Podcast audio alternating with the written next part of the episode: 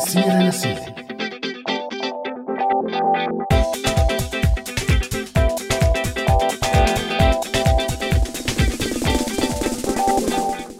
أهلا وسهلا فيكم بحلقة اليوم من برنامج من سيرة لسيرة. معي أنا عزة وهمام أجمل ترحيب مننا من قدام المايك ولكل يلي بيشتغلوا على البرنامج من الكواليس الخلفية. وتحية من عمر يلي اليوم شغال مثل الداية أم سمير. شلون بقى؟ شو القصة؟ لك شو نسيت عنوان الحلقة؟ ها إيه إيه فهمت عليك. يعني إنه اشتغل بالنم مثل الداية. تماما. وحلقتنا اليوم بتيمة النميمة العابرة للقارات. أو عنوان تاني حاطه عمر على جنب وهو شعب بحب الفاينة. فعلا النميمة السورية صارت عابرة للقارات فمن جروبات العيلة الكبيرة يلي صارت معنونة بجروب العيلة ويلي الأسماء فيها كالتالي خالي محمد الشام خالي أبو عبدو ألمانيا مع خالتنا شي بالسويد وشي يلي بقطر وشي يلي بلبنان. وبينشق همام أكيد عن هذا الجروب جروبين شلي أساسيات. الجروب الأول يلي تم بمشيئة خالتي رنا من السعودية وجمعت فيه بنات وستات هالعيلة وصار جروب نسوان للشلي. وطبعا الجروب الثاني الرجالي اللي انشأ عن الجروب الأول ومهمته تهداية النفوس وغالبا رح تطلع بجروبات العيلة الصغيرة لسه جروبات أصغر وكلها شلي ونم وأخبار. ولا تنسى كمان طبعا صور صباح الخير وهلا بالخميس. لك حتى هدول بيصير في شلي عليهم. وبينشأ جروب شرطه الأساسي إنه المشاركين فيه ما يشاركوا هي الصور وبينموا على عماتهم يلي مبسوطين بهي الصور وبيشلوا عليهم. لك كأنه نحن كمان ها ما عم نقصر وعم نشلي على عيال الناس الثانية والله أنا عم بشوف شو كاتب عمر وما عم بشلي. وناقل الكفر ليس بكافر. بقى لا تحطيني بهالمطرح الله يخليكي okay خلص تمام همام. على كل حال مستمعينا عن النميمة العابرة للقارات رح يكون موضوع حلقتنا لليوم. فيلي حابب يتابع معنا النم والشلي يا أهلا وسهلا فيكم وكمان فيكم تشاركونا الشلي بالتعليقات على ال SoundCloud أو على الفيسبوك أو حتى على رسائل الواتساب. تذكر شو مشينا مشينا وحكينا. دارينا ما بدينا عم تلغي ماضينا البعد وعايش فينا. عم تنسى وكأننا لا رحنا ولا جينا. أحلى شي فيك اللي معلقني بيتصدق هيك خليك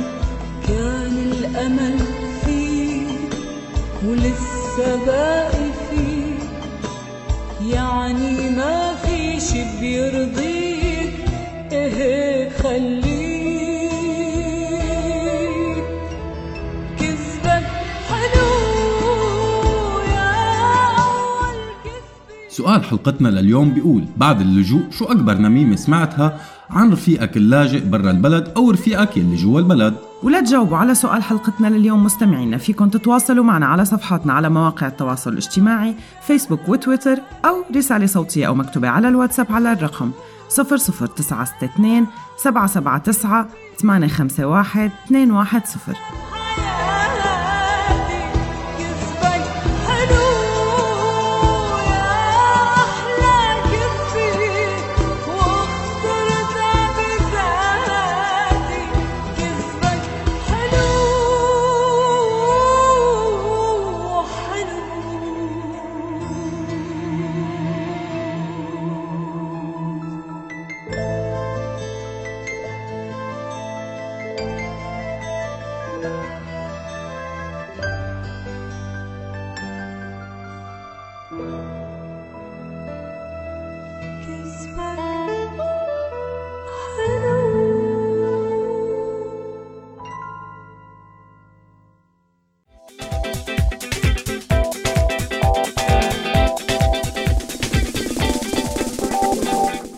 أعزائنا مستمعي راديو سوريالي وبالأخص مستمعي برنامج من سيرة لسيرة. ورجعنا لكم لنعرفكم بالفقرات يلي رح ترافقنا اليوم. البداية لما تكون رئيفة بتكون مع رئيفة والمنقوشة. لك كل المعدين بحبوا رئيفة وبحطوها أول شي صح؟ بس أنا يلي عم بشتغل وسجل ومنتج وبعدين فيني حطها وين ما بدي بالأول أو بالآخر. لك يا لطيف يا همام معقول تعملها؟ لك إيش بكي؟ لا أنت ولا عمر عم تستحملوا المزح. طيب هلأ المهم مع المنقوشة رح نبلش وعنوان فقرتنا على شو بدنا ننم. أما إياد فرح يحكي لنا عن مخاطر النميمة الإلكترونية. وكريستين رح تقارب نفس الموضوع بس من زاوية صحية. يعني الحقيقة رح نحكي مع رئيفة قديش حلوة النميمة والإشاعات. وإياد وكريستين رح يكون معهم مقاربة تانية من راديو سوريالي ومن سيرة لسيرة مكملين معكم فخليكم معنا.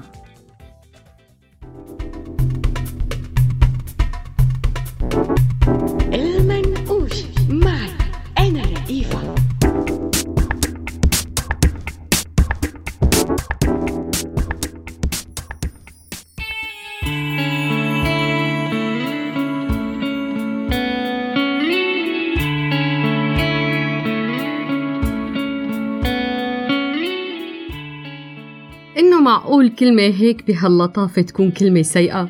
شو هي الكلمة؟ نميمة. إيه إيه كلمة نميمة. إنه في ألطف من هاي الحروف النون والميم والياء.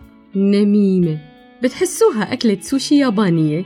على كل حال النميمة باللغة العربية الفصحى بتعني الوشاية. ونقل الحديث على وجه الإفساد والوقيعة بين الناس فلان وعلتان. بس لنفس الكلمة معاني جميلة تانية. مثل الصوت الخفي لحركة الريح. ركز معي. والصوت الخفي لحركة شي ما ما منعرف شو هو بس مانو مخيف. كمان صوت الوتر نميمة وصوت الكتابة حسب المعاجم هو النميمة. شفتوا أحلى من هالكلمة؟ على كل حال قعداتنا وجلساتنا بكل مكان غالبا يا بتبلش بجملة هاتوا لنشوف عمين بدنا ننم أو بتتخلل الجلسة عبارات من نوع آه صحيح ما خبرتك آخر نمة. أو خدي على هالنمة رح تدعيلي بتقوم وحدة من الصبايا بتنط وبتجاوبها. لك من وين بدي أدعي لك؟ بدي أدعي عليكي، ما بتعرفي إنه النميمة حرام، فبتلاقي صديقتنا المؤمنة الدواء، وبتجاوبها التانية، أصبح ما بدك تعرفي شو صار مع فلانة بنت فلان، وشو عملت لما شافت حماتها عند الدكان، وهون بيطير الإيمان أعزائي المستمعين، وبيبطل في حلال وحرام، وبتنسى السرنوة كل درس الجمعة الماضية عند الآنسة عن إنه النميمة حرام وبتنط السرنوة لتعرف شو النميمة تبع فلانة بنت فلان. ولما الصبايا بيقولوا لها لا النميمة حرام بتصير بتفرك مثل النملة. صحيح بالفنجان.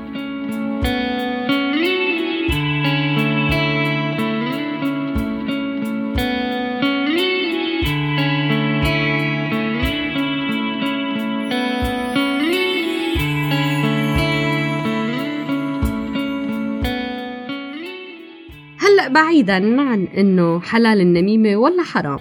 مين منا ما بينم أو بيستمتع بالاستماع للنمائم عن الأصدقاء والأقارب؟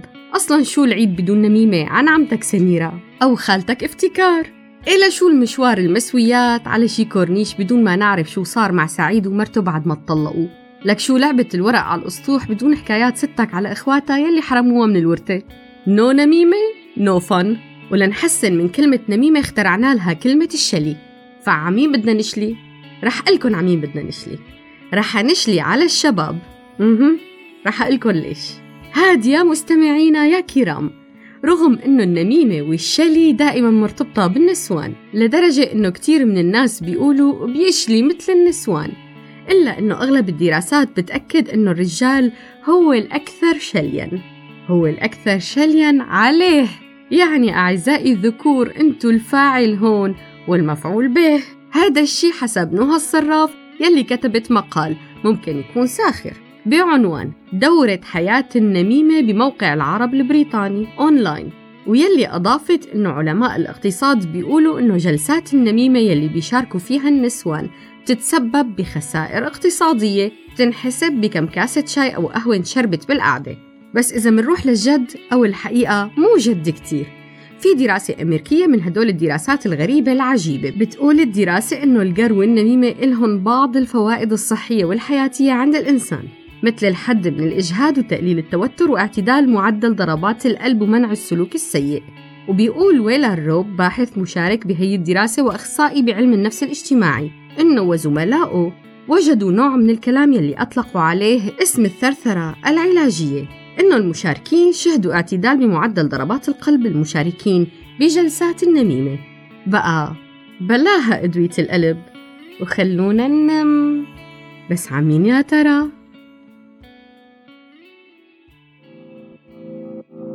خليهم يقولوا. خليهم يقولوا. تجري وما أنا اللي بقدري نعيش وزيني ما فيش. سوري عندي أمي أبوي وغيرهم ما يهمونيش. أنا اللي امبارح لما جتنا طبجتني في الريش. والدنيا قد ما لخبطناها لكن شي ما تبيش. الدنيا تبي تشنكيش تبي اللي نوض بكري. يا دنيا مرتيني رقتي لي ضغطي سكري. خيرك شن تبي مني؟ تحبي في وش الباب تسكري. والحابس لا ما ربانيش بالعكس بدل فكري حياتنا من 2011 وهي مدرسة يمين رئيش أنا يتكلف وتضيع من عمرك سنين. تسمع صوت ال 106 وصوت ال 23 صح إحنا مش زيهم لكن خير منهم عايشين. تعال شوف كيف عايشين ما تدير الناس الحولة. وشعب تب مسكين ما عنا ما نديرولا يا دولة ارخي لولا وبرو قولولا قالك ميقو دم الناس وين يدري كولا. خليهم يقولوا عادي حتى كان قالوا. نديروا اللي نبو ميقو معصوم ما زالوا. شكون غيرنا في الساحة يا عشيري ما كاين والو. واللي يبو ربو اللي يحولوا لهم تعالوا. خليهم يقولوا عادي وحتى كان قالوا. نديروا اللي نبو ميكو معصوم ما زالوا. شكون غيرنا في الساحة شيري ما كاين والو. واللي يبو ربهم اللي يحولوا لهم تعالوا خليهم يقولوا عادي حتى كان قالوا. نديروا اللي نبو ميقو معصوم ما زالوا شكون غيرنا في الساحة يا عشيري ما كاين والو. واللي يبو ربهم اللي يحولوا لهم تعالوا خليهم يقولوا عادي حتى كان قالوا. ديروا اللي نبو ميقو معصوم ما زالوا شكون غيرنا في الساحة يا عشيري ما كاين والو. واللي يبو ربهم اللي يحولوا لهم تعالوا تعالوا تعالوا تعالوا. إحنا ليه لحمتنا حلوة وعيشتنا مرة. توقع مني ندير كل شي إلا صاحبي ما نضره دماغ وعشنا في وسط الغابة ما عشناش البرا يا عشيري ليبيا مرد دب كلام تحت السرة.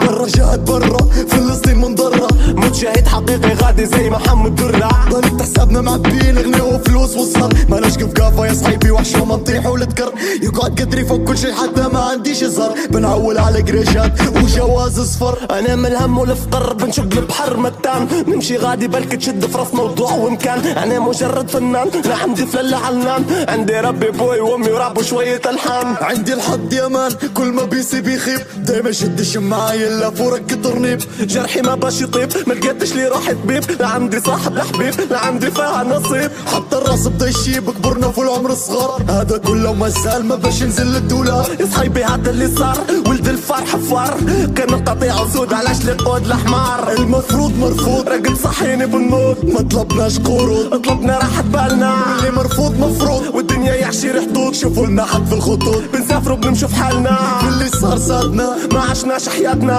كرهونا فابدينا ما عادش نحبوا بلادنا. يكفي اللي صار صادنا. ما عشناش حياتنا. كرهونا فابدينا ما عادش نحبوا بلادنا. خليهم يقولوا عادي حتى كان قالوا ديروا أحمد شهابي جاوب على سؤال حلقتنا لليوم وقال من كل رفقاتي اللي طلعوا على أوروبا ما ضل عندي غير اثنين متجوزين والباقي كله طلق أما جودي العسلي كمان جاوبتنا على سؤال حلقتنا لليوم وقالت ما رح نم على حدا رح نم على حالي. أول ما طلعت على ألمانيا كنت محجبة وبعد ست شهور شلت حجابي. والعالم كلها حكت علي بسوريا والسوريين اللي هون كمان. بدنا كتير لنعرف شو يعني حرية. واللي يبوا مليح خليهم يقولوا عادي حتى قالوا قالوا ديروا ليلو بو ميقو ما صوب ما زالوا شكون غيرنا في الصحة يا سيري كاين والو واللي يبوا ربي مليح قالوا لهم تعالوا تعالوا تعالوا كلام علي سمعته قالوا صفته ونعته قالوا صايع ضايع هم، يعرف إيش مصلحته صدر الشيطان رضعته اشربته ورجعته واللي انت تحصد فيه حشيري أنا اللي زرعته ربي فيروس شرطعته عايش بالزناقي يا حضرة القاضي يسمعني انت ولد بلادي أنا مشكلتي راب والشعب عليه موسيقتي راضي عندي مايك وعندي جمهور نسمع في نادي. حبيتهم رشيتهم ملكيتهم طاحوا شديتهم مرخيتهم وشريتهم هالبوزيتهم صفيتهم ونسيتهم طحت وريتهم هاد علاش خليتهم مادام عايش بقصية ومرضي والدية. شنب بي في الناس ليوكلوا ليشربوا فيا. هم هلبة في اللساعة وقت الضيق شوية. هم كلهم يدوا لي افعل واحد في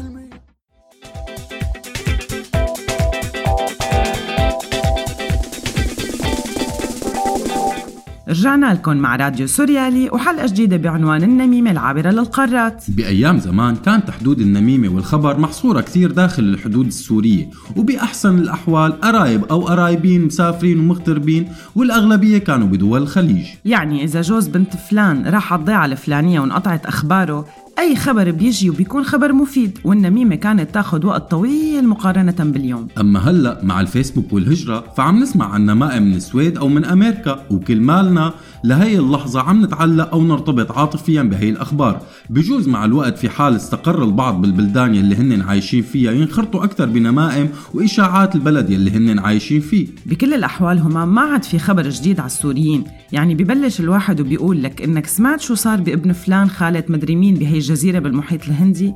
بيقوم بيجيك الجواب إيه والله امبارح شفته على الفيسبوك. أو مثلا شفت سعاد قديش مبسوطة بهولندا؟ لك إيه شو بك يا عزة؟ من شوي شفنا الستوري على الإنستغرام. أنا وياكي مع بعض. لك لا. هي معلومة كاتبها عمر ما عم بحكي عن سعاد اللي بنعرفها. آه سيف فهمت غلط. ولا يهمك. هلأ النمائم تنتقل وتعبر الحدود وما في معايير لفرق التوقيت الزمني؟ فاللاجئ اللي بأمريكا بفيق الساعة 7 الصبح ليلاقي رسالة من قرايبه يلي عايش بفرنسا يلي بتفصلوا عنه ما يقارب الست ساعات وعم يخبروا إنه بنت اخوه انخطبت لواحد من غير طايفه بسوريا. طبعا صديقنا هاد يلي بأمريكا ويلي بيطرق صورة كل الوقت لإله مع صبايا وبنات بأمريكا شرفه وشرف قرايبه يلي عايش بفرنسا ويلي بدوره كمان بيتصور كل يوم بالبارات. هدول الاثنين كل شرفهم معلق ببنت قرايبتهم يلي لساتها عايشة بسوريا. وبتبلش الرسائل والنميمة تتهاطل وياهم ملالي وبيفيق الواحد الصبح بيلاقي رسائل على الفيسبوك واتصالات على مختلف التطبيقات وهون تشتغل حرب الشائعات والأخبار الكاذبة. وبتبلش بتتدخل هالناس شي يلي إله إيد وشي يلي ما له إيد بهالموضوع. وآخر شي بتطلع القصة شو يا عزة؟ تطلع القصة بكل بساطة إشاعة أو نميمة انتقلت بشكل غلط. ومن زمان كانت النميمة بصوت واطي وما كان كتير من الناس بتعلى صوتها لما بتحكي النميمة. وأحيانا كتير كانت هي النميمة تضل بين دوائر مغلقة حتى أنه الشخص يلي هو محور القصة بيكون ما سمع فيها كلها من أساسه. بس اليوم ومع التكنولوجيا كتير تغيرت القصص والحكايات. يعني النميمة صارت ب post أو تغريدة أو فيديو على إنستغرام أو حتى على يوتيوب. فكتير سمعنا أو شفنا فيديوهات لأمريكيين وأمريكيات عم يصوروا خيانات بعضهم أو عم يصوروا وقائع حقيقية وتنحط بعدين أونلاين. المستوى تبع النميمة انتقل من المحلي للعالمي فمن قبل كانت الحدود المحلية هي حدود النميمة والعيال اللي بنسمع نميمة عنها كانت بالعربي. يعني مثلا مثل إنه أبو محمود خان مرته فتحية أو طوني حب بنت جارتهم أم عمار المسلمة أو عماد أو عماد عفوا أخذ مصاري من سليم ولهلأ ما رجعهم ورهن شواربه وهيك قصص يعني. تمام بس هلأ صارت القصص أكبر على الخارطة. يعني مثلا هم صار فينا نسمع قصص من نوع سمعت لك هالسمعة. تتذكر جيسيكا المساعدة الاجتماعية اللي أكبر من فادي بمدري كم سنة؟ بعد ما حبته تركته وزتته بالشارع وبيقولوا لك يلي ما بياخد من ملته بيموت بعيلته. ليش أم عمار وأبو محمود يلي حكينا عنهم قبل شوي أحسن مثلا؟ آه آه، إيه والله إيه والله معك حق. لا وفي عندك نوع تاني من جماعة تبع سمعت إنه لينا صارت لزبيان لك حزير شو؟ ومع مين؟ مع فلورا الفرنسية. هي إنه على أساس إذا صارت لزبيان مع افتكار السورية بيكون الموضوع أسهل.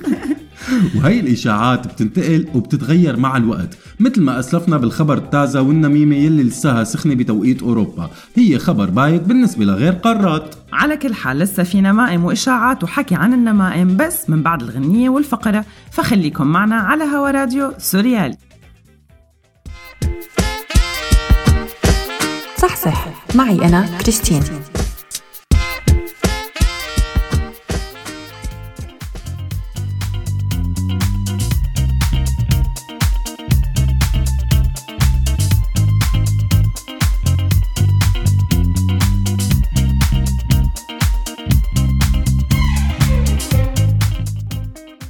الحقيقة تغزلت رئيفة قبل شوي بالإشاعات والنميمة. وأنا شوي معها فمين ما بيحب النميمة؟ الأرقام لسه بتقول إنه المواقع الأكثر زيارة والصحف الأكثر مبيعاً ببريطانيا هي المواقع والصحف يلي بتحمل نمائم وإشاعات. بس الحقيقة أحياناً بيكون لهي النمائم والإشاعات آثار سلبية على الصحة وبتتراوح خطورتها. فمثلاً ممكن يصاب الشخص يلي هو هدف النميمة أو الأخبار الكاذبة للإنهاك والقلق. وصولاً لحد الكآبة. وبكتير من الأحيان ممكن تتحول الكآبة لاكتئاب وأحياناً اضطراب ما بعد الصدمة. وبالإضافة لنوبات الهلع والانتحار. وأحياناً ممكن تسبب بعض حالات الفصام يلي لسه مانا مؤكدة. بس انتحار؟ عم تتساءلوا إذا فعلا بيصير. الحقيقة إنه إيه؟ فوسائل التواصل الاجتماعي والانتحار شي عم يزيد كبير والأدلة كل ما عم تربط بين تزايد الانتحار ووسائل التواصل الاجتماعي. وخاصة بسن المراهقة. فوسائل التواصل الاجتماعي والعزلة بتخلي هذا العالم الوهمي عالم حقيقي ويلي بيصير عليه من تنمر يلي منقله بالإنجليزي bullying واحدة من الحالات المعروفة عالمياً كانت وفاة فيبي برينس يلي كان سببها البلطجة الإلكترونية والتسلط عن طريق الإنترنت والأخبار الكاذبة أو الملفقة ويلي بينقلها فيك نيوز بالإضافة للأثر النفسي على الأفراد. في أثر نفسي على الصحة النفسية للمجتمعات. فالثقة بالأخبار بشكل عام بسبب الأخبار الملفقة كل ما لا عم تقل. والناس عم تشك بكتير من الموضوعات وهذا الشك عم يكبر عند كتير من فئات اجتماعية. وبهذا الشي عم يتراكم كتير من الآثار السلبية. عبر التاريخ فينا نطالع بعض النماذج عن الأثر يلي تركته هي الشائعات والنمائم أو الأخبار الملفقة على صحة الإنسان. مثل مثلا إنه اللقاحات مسببة لمرض التوحد. أو إنه العلاج الكيماوي بضر أكثر ما بينفع. أو مثلا الشيء اللي عملته الحكومة الأمريكية مع الحشيش الشيء اللي أدى لمنعه وتجريمه لسنوات طويلة. بينما كانت الحكومة الأمريكية مدركة لعدم خطورته بس تم حظر الحشيش لسنين طويلة واليوم بلش يرجع ببعض الولايات. فينكن عن هذا الموضوع تشوفوا إحدى حلقات برنامج مسلي وفيه تقديم للمعلومات بطريقة سهلة وعلمية اسمه Adam Ruins Everything. أما أنا فصار لازم ودعكم على أمل اللقاء بحلقات.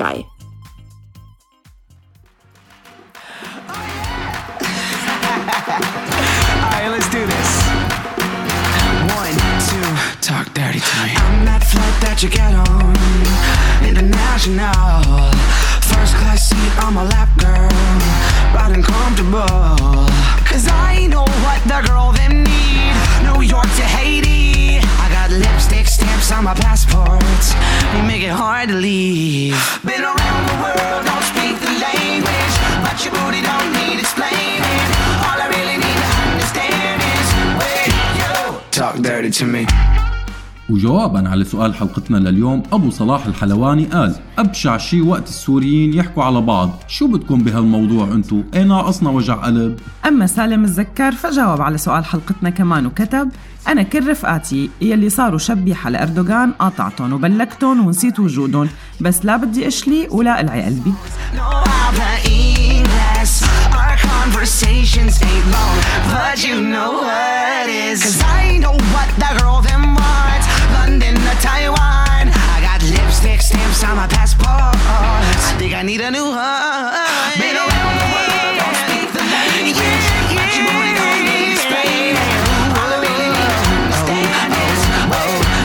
Talk dirty to me.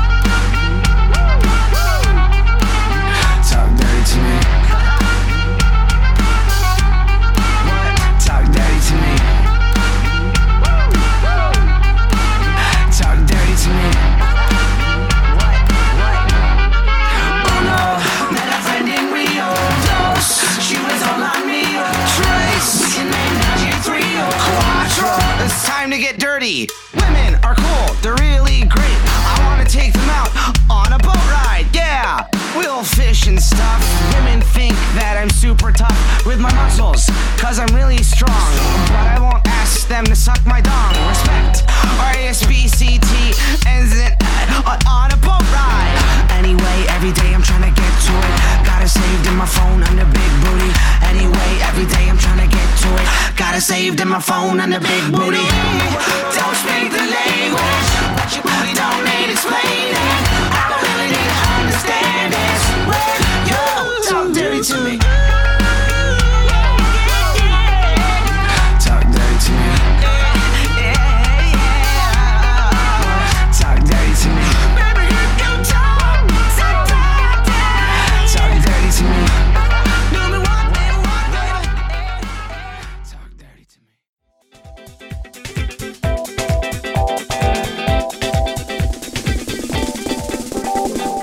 ورجعنا لكم مستمعينا بالقسم الثاني من برنامج من سيرة لسيرة ويلي النم فيها موصل للركب حكينا كيف تغيير مفهوم النم مع التغير الجغرافي للاجئ السوري وعلاقته مع الوطن والأهل والأقارب. بس هلأ بدنا نروح لمطرح تاني وزمن تاني بالنمائم بأيام زمان. النمائم السياسية كانت دائما موجودة بمجتمعنا. أول شيء لأنه ما كان في أخبار سياسية باستثناء استقبال الرئيس لفلان وتوديعه لعلتان.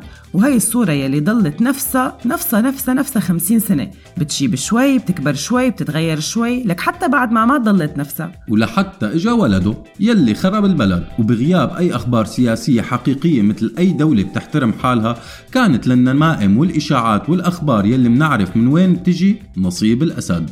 فعليا نصيب الأسد. حرفيا.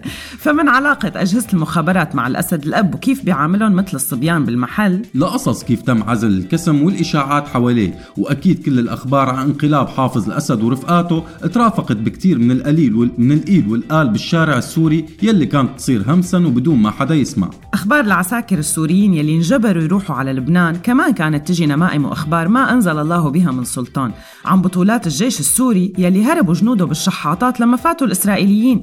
وإذا بتحبوا تشاركونا أصدقائنا المستمعين عن أي إشاعات ونمائم سمعتوها سواء على ال SoundCloud أو بتعليقات على الفيسبوك على هالموضوع بالذات عم نستناكم. فعلا أصدقائنا المستمعين لأنه دائما في نقص بالنمائم والإشاعات عن الاقتتال بين الأخين الأسديين الصغير والكبير. مشان يلي ما فهم علينا عم نحكي عن رفعت وحافظ. سيدي المهم ضلت الأخبار السياسية السورية بمحل الإيل والآل لحتى إجا مصطفى طلاس وعمل كتاب عن الموضوع. والكتاب نفسه طلع بصيغة النميمة والإيل والآل. وبما أنه ما في حياة سياسية صحية لك وبما لا همام مو ما في حياة سياسية صحية. أنت الصادق ما في حياة سياسية من أصله. معك حق. لهذا السبب كان في كتير نمائم سياسية تنحكى بصوت واطي كتير. وبسبب تعطش السوريين للأخبار السياسية صار في كتير سوريين لاجئين ومهجرين بالإضافة للمغتربين ناقلين حقيقيين للأخبار. فمنشوف أخبار سياسية على صفحاتنا من كل حدب وصوب. منشوف فضايح رئيس وزراء بكندا والشباب والصبايا نازلين تعليق على الموضوع بإبداء ara. للحقيقة عزة كان في عنا ثلاث أنواع من السوريين نوع بيحلل ونوع بيعطي ونوع بينقل الخبر. بس هلأ يعني الصبايا والشباب ما شاء الله مو مقصرين ثلاثة بواحد. فعلا هما مزبوط حكيك. فمن إعادة انتخابات اسطنبول الأخيرة منشوف تحاليل من السوريين ما أنزل الله بها من سلطان. ومنشوف مشاكل استقالة تيريزا ماي من الحكومة وفيديوهات عن ترامب وعن وزير السويد عم ياكل من عرباية وأخبار سياسية وتحليلات عن وضع أنجلينا ميركل. بس من جهة تانية نقل السوريين مرض النميمة السياسية اللي تعودوا عليها من بلد الأم إلى بلدان اللجوء. مشان هيك أحيانا بنقرأ خبر عن رئيسة وزراء بريطانيا المستقيلة تيريزا ماي بنحسه إنه خبر عن أم محمود تبع باب الحارة. أو ممكن كمان نقرأ خبر عن مشكلة بالحكومة الأسترالية نحس الخبر طالع كأنه مشكلة بالقيادة القطرية لحزب البعث. وبحس القارئ أنه في شيء ناقص بالخبر أو شيء ناقص بعقل أو بقلم ناقل محرر الخبر. وبنرجع للخبر السياسي السوري اليوم من وقت ما بطل ماهر يشلح البيجامة ومن وقت ما الشرع بطل ينشق لسه الخبر السوري بينصاغ بطريقة النميمة أو الإشاعة. والنميمة والإشاعات السياسية كأنه صار في مقاومة تجاهها. مشان هيك بحس إنه إذا هلأ بيطلع خبر إنه خلص النظام راح بلا رجعة في ناس رح تقضي ساعات وهي عم تدور عن صحة الخبر. معك حق همام ولسه لهي النميمة والإشاعات أثر كبير. على كل حال أصدقائنا بالفقرات ناقشوا شوي من الموضوعات. ونحن رح نحكي أكثر مع ضيفنا حلقتنا لليوم حازم داكل عن هالموضوع. بس هلأ صار لازم نروح لفقرة شروي غروي مع إياد ونسمع شو مخبي لنا. شروي غروي معي أنا إياد كلاس.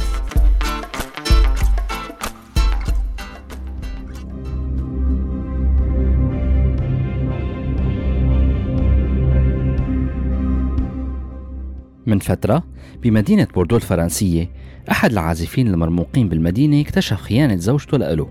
هذا الشيء خلاه يفوت على الفيسبوك ويكتب post طويل عريض عن الموضوع ويشهر بزوجته وما اكتفى بهذا الشيء لا بل راح على صفحة مسابقة محترمة للبيانو بيشاركوا فيها من كل أنحاء العالم وحط ال post على الصفحة.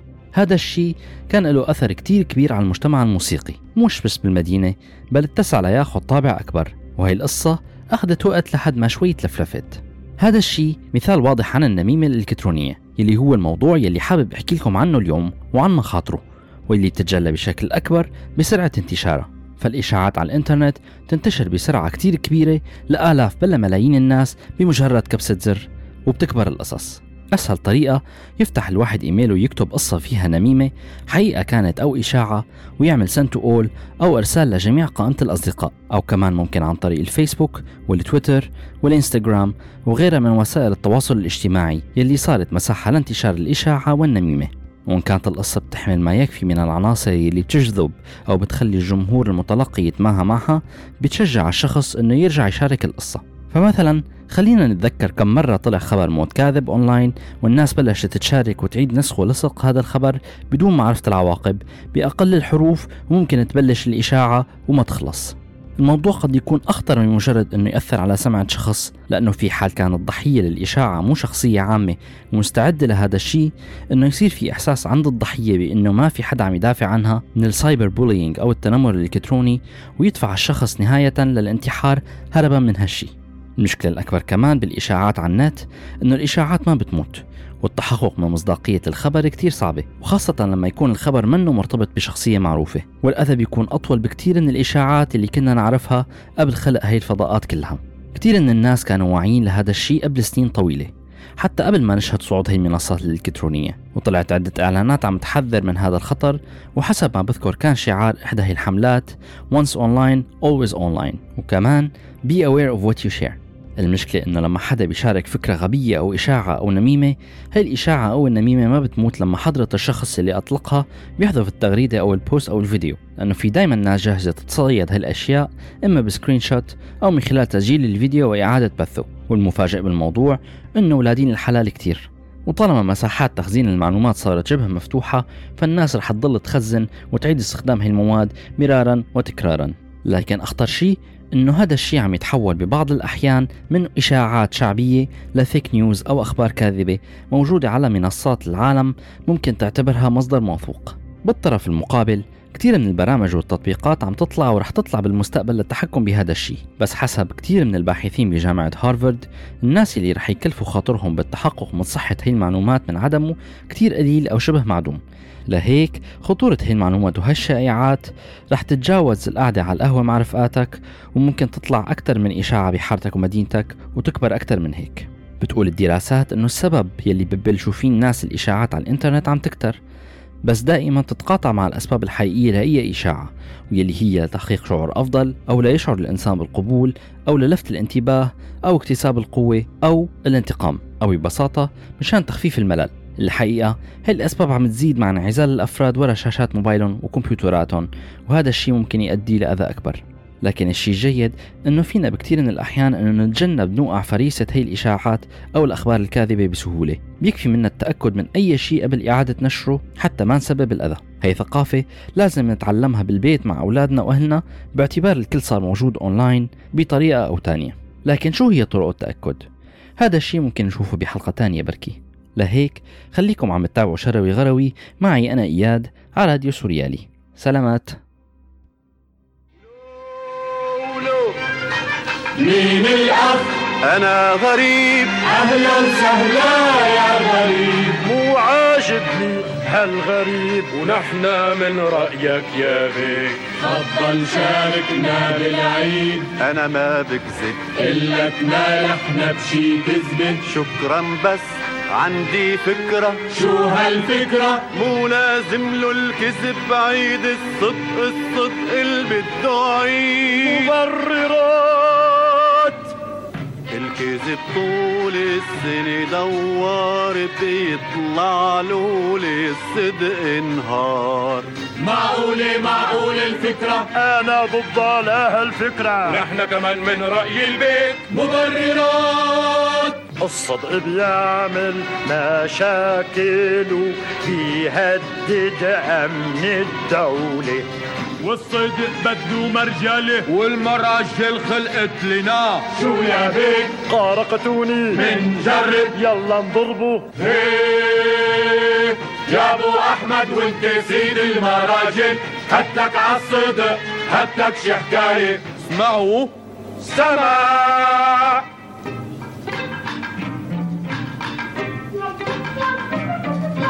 من يومين كنت لاطينا العين. شوي طلت ام شحادة غمزتها ضحكت. إيه قرصتها سكتت. يا فضيحة أم شحادة يا فضيحة أم شحادة يخرب بيتك شو كذاب. شو اتفقنا؟ نحكي الصدق. شو ليه مزبوطة هالخبرية؟ اخدت عن حيث النية قرصة أخ لا أخته. يلعن أختك على أخته. أبو شحادة. شو ليه؟ بتخلي الطابق مستور ولا بحكي وبقلن شو بتحكي بنومك على أم أحمد. شو فيها شغلة إعجاب؟ يا فضحتك يا أم أحمد. يا فضحتك يا أم أحمد. أنا بورجيكي بالبيت. طلقها.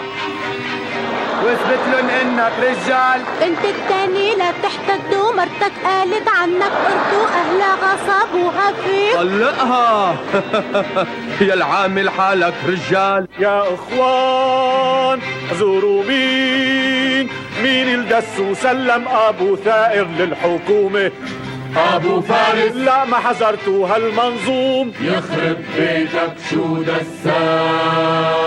أنا بورجيك شوف يا بيك هذا الحارس لو تعرف شو قال عنك. ماذا قالوا لا. لولا هالقرشين المعك لكنت أكبر حمار أنا حمار ولا.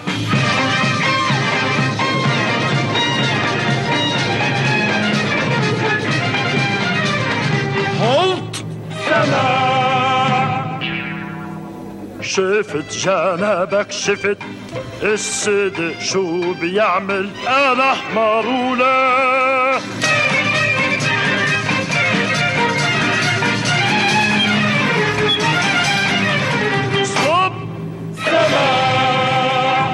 أنا رايي حتى تصفى هالقلوب نعتبر الصدق اللي انحكى كله كذب والكذب اللي انحكى كله صدق لأنه لك أنا أحمر ولا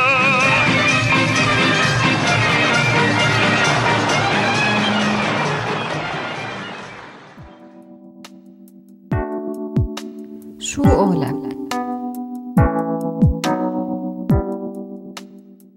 ضيف حلقتنا لليوم صحفي وناشط بمجال الإعلام. اشتغل بعدة منصات صحفية من داخل سوريا وخارجها ونقل الخبر بأمانة. ورح يكون ضيفنا بحلقة اليوم السيد حازم داكل سوريالي سوريالك سوريا إلنا كلنا. سوريالي سوريالك أنت اللي قادر تغير. أنت ابن الصحفي السوري حازم داكل أهلا وسهلا فيك ضيف عزيز ببرنامج من سيرة لسيرة على هوا راديو سوريالي مساء الخير حازم مساء الخير كيفكم؟ يا هلا مساء النور. آه، حازم بعد انتشار السوريين على الخارطة واشتغالهم بكثير من وسائل الإعلام حول العالم بالإضافة للشبكات السورية المنتشرة على وسائل التواصل الاجتماعي اللي فيها معلومة وخبر مثل مراسل سوري نيو آي آر تي أو هيك شبكات يا ترى قديش هذا الشيء ترك أثر على صناعة الأخبار العالمية؟ أه هلا مبدئيا خلينا نقول إنه الموضوع السوري هو موضوع أه مختلف عن بقية البلدان أه اللي شهدت صراعات ونزاعات. أه السبب هو آه، استهداف الصحفيين بشكل مباشر سواء عبر اغتيالهم أو خطفهم أو قتلهم من خلال القصف أو خلال المعارك اللي اللي شاركوا بتخطيطها الموضوع الثاني هو إنه في قطبين للإعلام بسوريا هو قطب للنظام السوري وال- والرواية الرسمية تبعه اللي بيقولها والبروباغندا الإعلامية اللي بيعملها. وقسم لل خلينا نقول للمعارضة.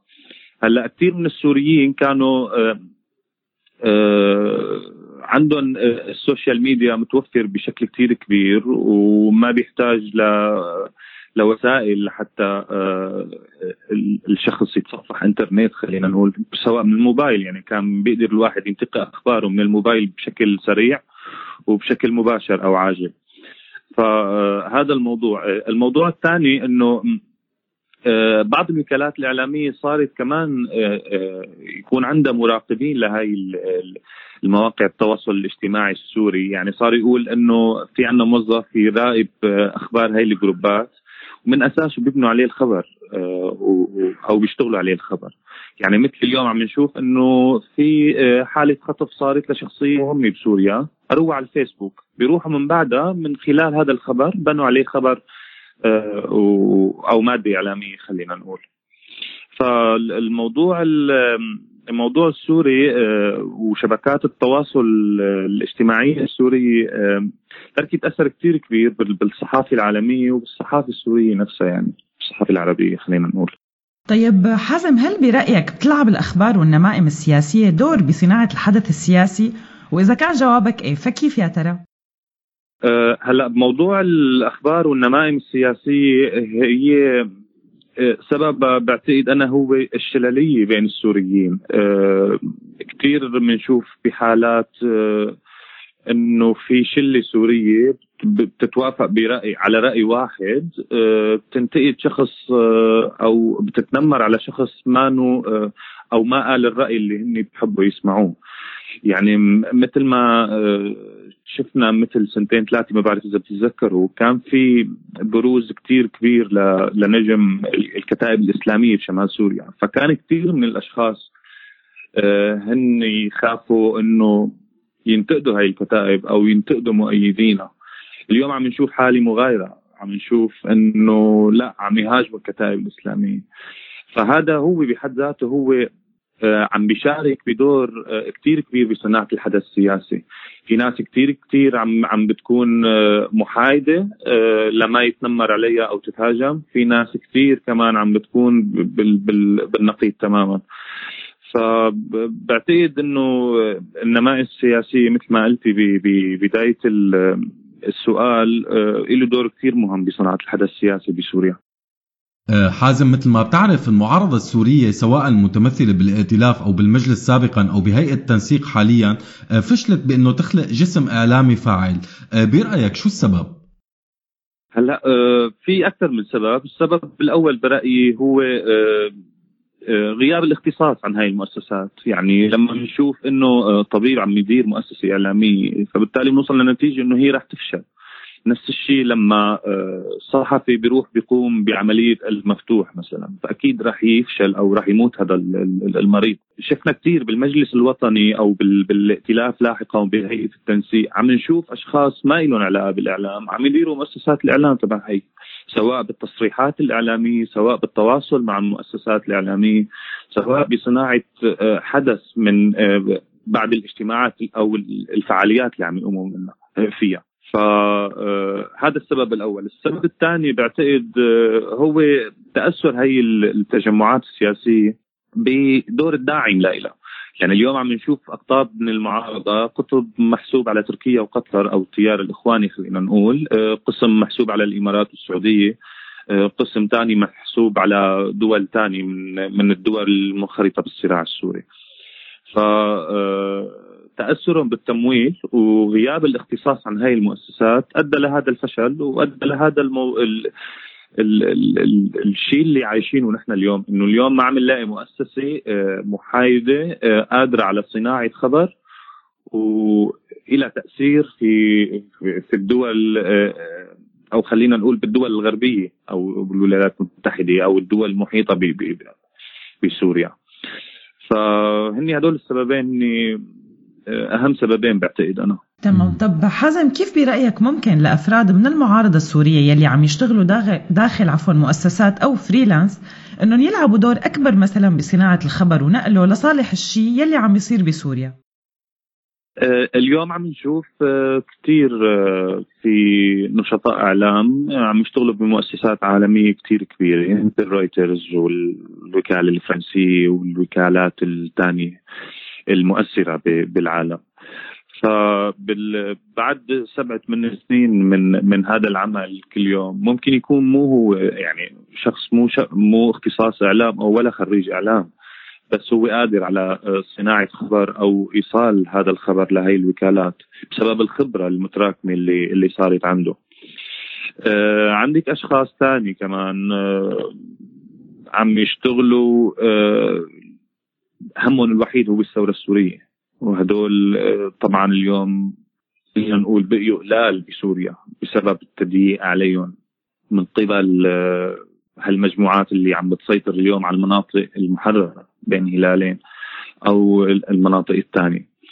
ف هدول بقيوا قلال كثير بعتقد ومهمتنا نحن بعد ما بعد ما طلعنا من سوريا يعني إنه نحاول نقدم لهم دعم ولو كان دعم مادي أو معنوي أو أي شيء. بعتقد هو كثير وجودهم مهم اليوم آه، والشيء اللي عم يقدموه كثير كثير كثير كبير. آه، لسوريا وللثوره السورية بعتقد آه، حازم الحالة المخابراتية اللي عشناها كسوريين خلت كل النمائم والإشاعات السياسية مدروسة مدروسة عفوا وطالعة لتحقق هدف سياسي محدد ومعين هل برأيك لسه النظام عنده أشخاص أو مؤسسات قادرة على هي على القيام بهي الأمور؟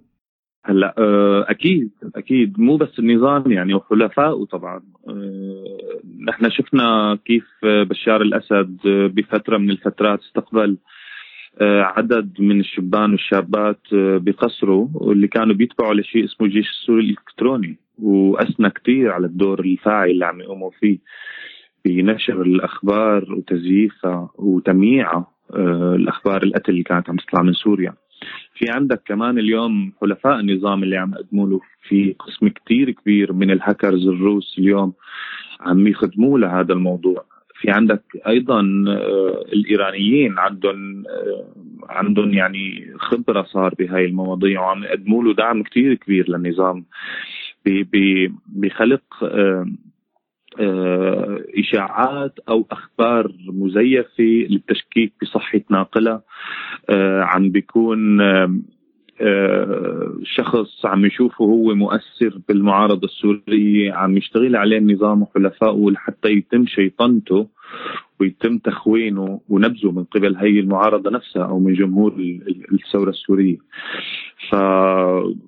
فالنظام لسه عنده كتير كروت في هذا الموضوع. وعنده آه، مؤسسات قادرة آه، على القيام بهذا الدور. طيب حازم رح نبعد ندفع عن الأخبار السياسية والعسكرية ونروح شوي على الكاجوال مثل ما بيقولوا. قديش برأيك اليوم بعد الهجرة واللجوء السوري ضل في اهتمام بالنمائم والأخبار العائلية؟ لا هذا الشيء موجود بعتقد على بعض الوسائل الاجتماعية. مثل الواتساب مثلا بتلاقي في جروبات عائلية خالتي وعمتي وأختي وما بعرف شو. فهدول بيقضوها شلة وتسجيلات صوتية أو أدعية واستغفار إلى آخره. ف آه، نهاية. حازم آه، بدنا نطرح عليك آه، سؤال نفسه اللي طرحنا على الجمهور واللي هو بعد اللجوء شو أكبر نميمة سمعتها عن رفيقك اللاجئ أو رفيقك يلي جوا البلد؟ هذا لنشوف. أه مثلا بدون أسماء ما رح نضطر. إيه، بدون بدون أسماء. فلان أخته شالت الحجاب دريت شو عملت أو شو صار؟ آه، في عندك أخبار ثانية آه، واحد تجوز وحده مطلقة مثلا إنه بيقعدوا بينموا عليه وبيشلوا عليه.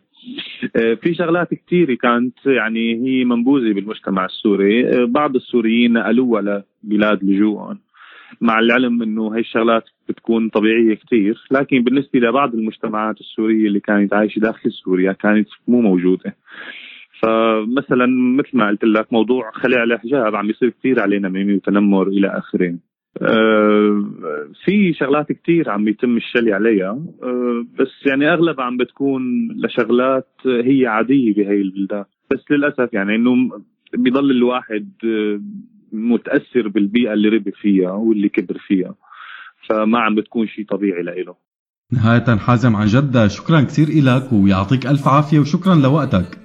شكرا كثير شكرا لكم ولراديو سوريالي آه، على الاستضافة الجميلة. وأتمنى نتواصل بشكل أفضل بالمستقبل إن شاء الله. أكيد إن شاء الله إن شاء الله يعطيك ألف عافية. الله يعافيكم. شكرا. مع السلامة. وسوق فيها شوي شوي على اليمين والعواميد عالشباك تتوالى.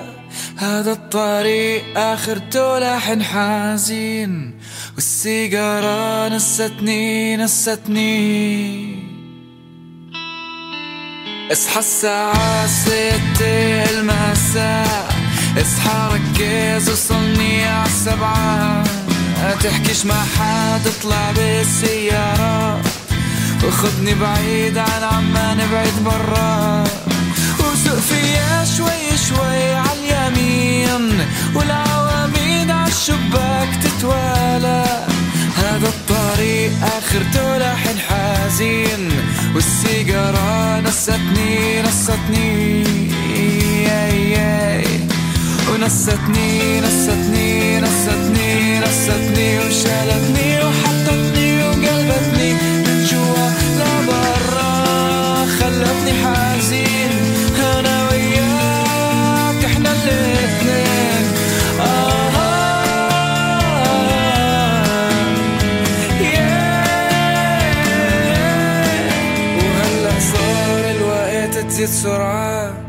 سكر عيونك واسمع الهوا وبهالسرعة مع غيرنا بنتساوى طلعنا لهموم جواتنا.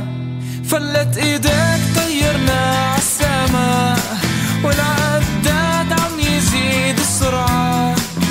أنا حر مش مجبور عالطاعات والسيجارة نستني نستني. ونستني نستني نستني نستني. شالتني وحطتني وقلبتني من جوا لبرا أنا وياك شو أخذنا؟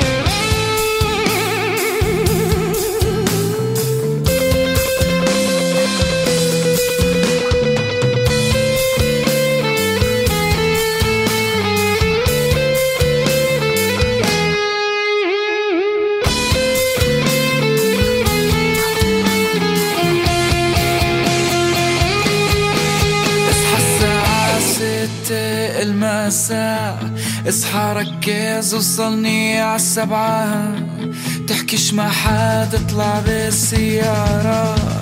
خدني بعيد عن عمان بعيد برا.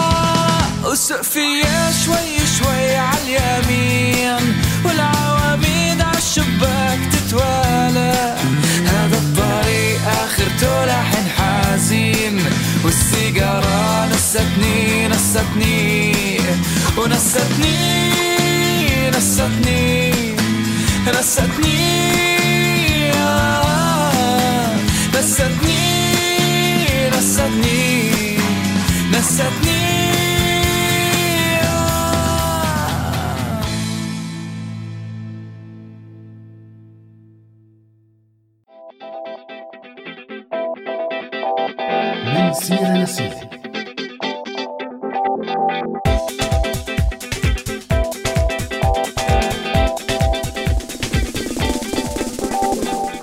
ولهون منكون وصلنا لآخر حلقتنا لليوم بس ما خلصنا لا نم ولا شليها ويمكن ما نخلص ابدا بس مثل ما سمعنا بالفقرات يلي رافقتنا اليوم النم والنميمه والإشاعات والأخبار يلي مو كتير صحيحة جزء من حياتنا. مو بس نحن كسوريين وإنما كبشر بشكل عام. دائما بننتظر تعليقاتكم وارائكم واجاباتكم عن أسئلتنا. وإلى اللقاء في حلقة قادمة من برنامج من سيرة لسيرة لأنه صار لازم نودعكم ونشكر كل مين كان عم يسمعنا أو شارك معنا. وهلأ ما صفن إلكن غير باي.